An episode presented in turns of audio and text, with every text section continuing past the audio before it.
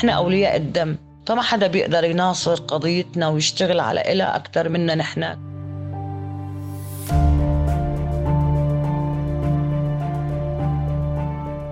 بحلقة جديدة من بودكاست قيد وهو من إنتاج سوريا على طول. رح كون معكم أنا عمر نور لحتى نعيش تجربة سيدة مع ملف المعتقلين.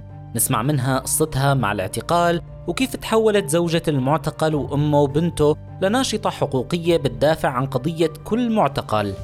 خلينا نتعرف عليها. أنا أنصاف نصر آه، من محافظة السويدة. آه، عملي أخصائية نفسية. عندي ثلاثة أولاد. متزوجة من المعتقل فؤاد أحمد المحمد هو من دير الزور. إنصاف عاشت تجربة مرة مع اعتقال زوجها. هي التجربة مختلفة عن سابقاتها اللي سمعناها ببودكاست قيد ومعقدة كمان. قصتي مع المعتقلين قصة كتير قديمة. آه زوجي أخو كان معتقل على خلفية رأيه السياسي بالثمانينات. قضى بالسجن تقريبا 17 سنة. فتاريخ الاعتقال بسوريا هو يعني ذاكرة لكل سوري. وصارت القضية أعمق وأخص إلي بعد ما اعتقل زوجي. اعتقل زوجي ب 20 8 بال 2014 من قبل تنظيم داعش. هو كان ناشط إغاثي وإعلامي بدير الزور. ولما دخلت داعش على الدير بعد ما دخلت تقريبا ب 20 يوم اعتقلت مجموعة من الناشطين آه، من ضمنهم زوجي. التهم اللي كانت موجهة لزوجي لما اعتقل من قبل تنظيم داعش هو إنه علماني كافر. وينادي بالدولة المدنية والديمقراطية ومتزوج من آه، درزية كافرة واسم ابنه آه، جيفارا وبعد الاعتقال شو صار مع زوجك وكيف كانت توصلك أخباره؟ بعد ما اعتقل زوجي تقريبا بشي ثلاث شهور أو أربع شهور انقطعت أخباره تماما. اجى أكثر من خبر إنه هو تم تصفيته من قبل التنظيم ولكن أنا تواصلت مع أكثر من حدا أكد لي انه ما فيهم يعني إنه يأكدوا هذا الخبر إنه هو تم تصفيته. خاصه بعد ما أول ما دخلت داعش على الرقه أو على الدير كان أي حدا يتم تصفيته من الناشطين كانوا آه، يعطوا جثة لأهله أو يخبروا أهله. هذا الشيء ما صار مع زوجي وضلتني أدور يعني ما خلي حدا ممكن خرج من السجن من سجن داعش أو ناس كانوا بالمنطقة هنيك أو لهم أي تواصلات أو عندهم أخبار إلا ما أسألهم لل 2018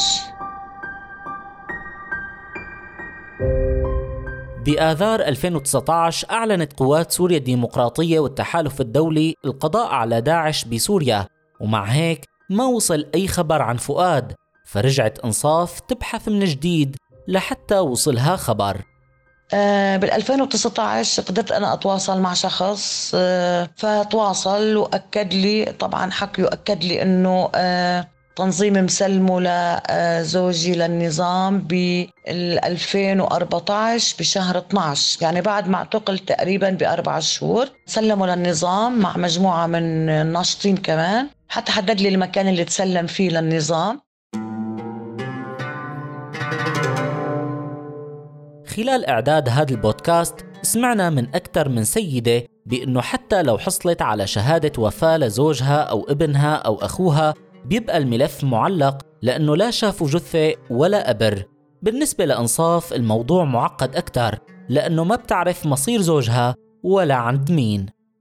بعدين قطعت أي أخبار أبدا. يعني لا أخبار آه، ممكن يكون عايش لأخبار ممكن يكون طيب لأخبار ممكن يكون عند النظام. طبعا بعدها إنه حاولت أنا كثير إنه أتواصل مع أشخاص ممكن يفيدوني منظمات حقوقية كمان إنه ممكن تقدر تفيدني تجيب لي أخبار إنه هو عند النظام أو لا. آه، ما قدرت ابدا. ومثلها مثل أي زوجة معتقل بتحس إنصاف إنها مقيدة ومحرومة من حقوق لعدم وجود زوجها. صحيح إنه المعتقل مو بس هو معتقل ومقيد حريته. آه، أهل المعتقل وذوي المعتقلين بيعانوا كتير كتير. نحن على طول بحالة انتظار ما طبيعية. بالإضافة لأنه في حقوق آه، أو آه، أمور بينطلب فيها أنه ولي الأمر يكون الزوج. كمان هاي ممكن تكون عائق أمام ذوي المعتقلين.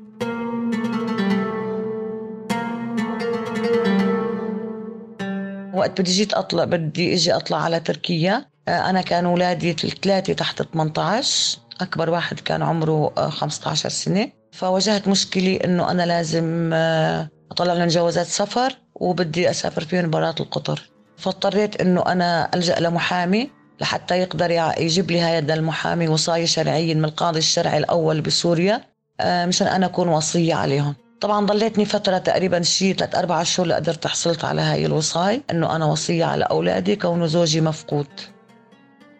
مثل ما سمعنا ببداية الحلقة إنه نشاط إنصاف بدأ مع اندلاع الثورة واهتمامها بملف المعتقلين كان قبل ما تصير هي جزء منه كزوجة معتقل بس بعام 2018 نشاطها صار منظم أكثر انتسبت لحركة عائلات من أجل الحرية ب 2018 تقريبا بالشهر الأول. كنا آه، كانوا تسع سيدات. بعدين صرنا 11 آه، هلا تقريبا شي 150 سيدة. أنا هلا آه، منسقة الفريق المحلي بتركيا غازي عنتاب. وفي عنا فرق تنفيذية عم تشتغل. في أكثر من فريق تنفيذي فريق موارد بشرية فريق تواصل وتشبيك آه، فريق حشد ومناصرة فريق إعلامي. انتسابي للحركة آه، كان بشكل أفضل أضاف إلي أنه أنا صارت فعاليتي لقضية الاعتقال للحشد للمناصرة للجانب الحقوقي.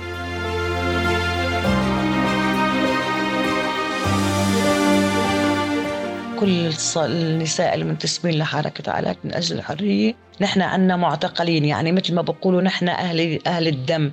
نحن آه، شفنا أنه لازم نحن اللي نستلم قضية الاعتقال نحن اللي لازم نرفع صوتنا بالمحافل الدولية.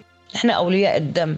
فما حدا بيقدر يناصر قضيتنا ويشتغل على إلها أكثر من آه، منا نحن كوننا نحن الأصل بهذا الموضوع.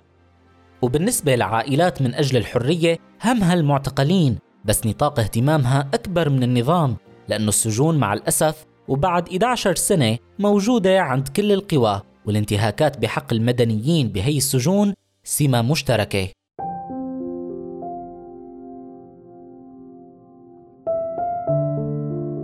نحن نشتغل بحركة العائلات من أجل الحرية على قضية المعتقلين بشكل عام عند سوريا. آه، أيضا نحن بنطالب بالإفراج عن المعتقلين آه، عند كافة آه، أطراف الصراع. يعني نحن ضد انتهاك حرية أي شخص مدني عند أي طرف من الأطراف. سواء كان عند النظام أو عند جبهة النصرة أو عند سلطات الأمر الواقع أو عند قسد. آه لذلك حتى حركتنا بتضم يعني كافة النساء اللي لهم معتقلين عند أي طرف من هاي الأطراف مع النظام طبعاً. بطبيعة الحال لأنه غالبية المعتقلين خاصة بسجون النظام من الرجال فكان النشاط النسوي لذوي المعتقلين مهم وتأثيره كبير بحسب إنصاف. أكيد للنساء دور كتير كبير بقضية الاعتقال. لما أم بتحكي عن ابنها آه كيف هو اعتقل وهي شو عم تعمل وكيف عم تتعامل لحتى هي تعرف أي شيء خبر عنه. آه لما بتحكي زوجي لما بتحكي أخت آه لما بتشرح هاي القضية بالمحافل بالمحافل الدولية أكيد رح تشرحها. أفضل بكتير من شخص عنده منظمة وهو بس عم يحكي بقضية المعتقلين بشكل حيادي. آه هذا عطى كتير بعد لملف المعتقلين وعطاء بعد إنساني وبعد حقوقي وأيضا بعد دولي أنه ينتشر آه على مستوى العالم. النشاط النسوي بما يخص ملف المعتقلين وصلنا على مج... وصل على مجلس الأمن آه، وصل على بروكسل أي محفل دولي آه، فيما يخص المعتقلين. الصوت النسوي بحركة آلات من أجل الحرية هو موجود. وبختام حديثنا مع إنصاف كان عندها رسالة حبت توجهها من خلالنا. آه، بتمنى أنه ملف المعتقلين يتخذ بعين الاعتبار بالمحافل الدولية ويتخذ بعين الاعتبار بال بال آه، من قبل الدول الفاعلة بالملف السوري إنه يكون في آه، محاسبة آه، يتفعل نظام المحاسبة للنظام ولبقيه الأطراف على ملف المعتقلين لحاله بس. بهذا بكفي إنه يودي بشار الأسد للمحكمة الجنايات الدولية إذا انشغل بالجانب الحقوقي على ملف المعتقلين. وهيك منوصل لنهاية حلقتنا الثالثة من بودكاست قيد. هذا البودكاست من إنتاج سوريا على طول. تقديم عمر نور وإعداد عمار حمو.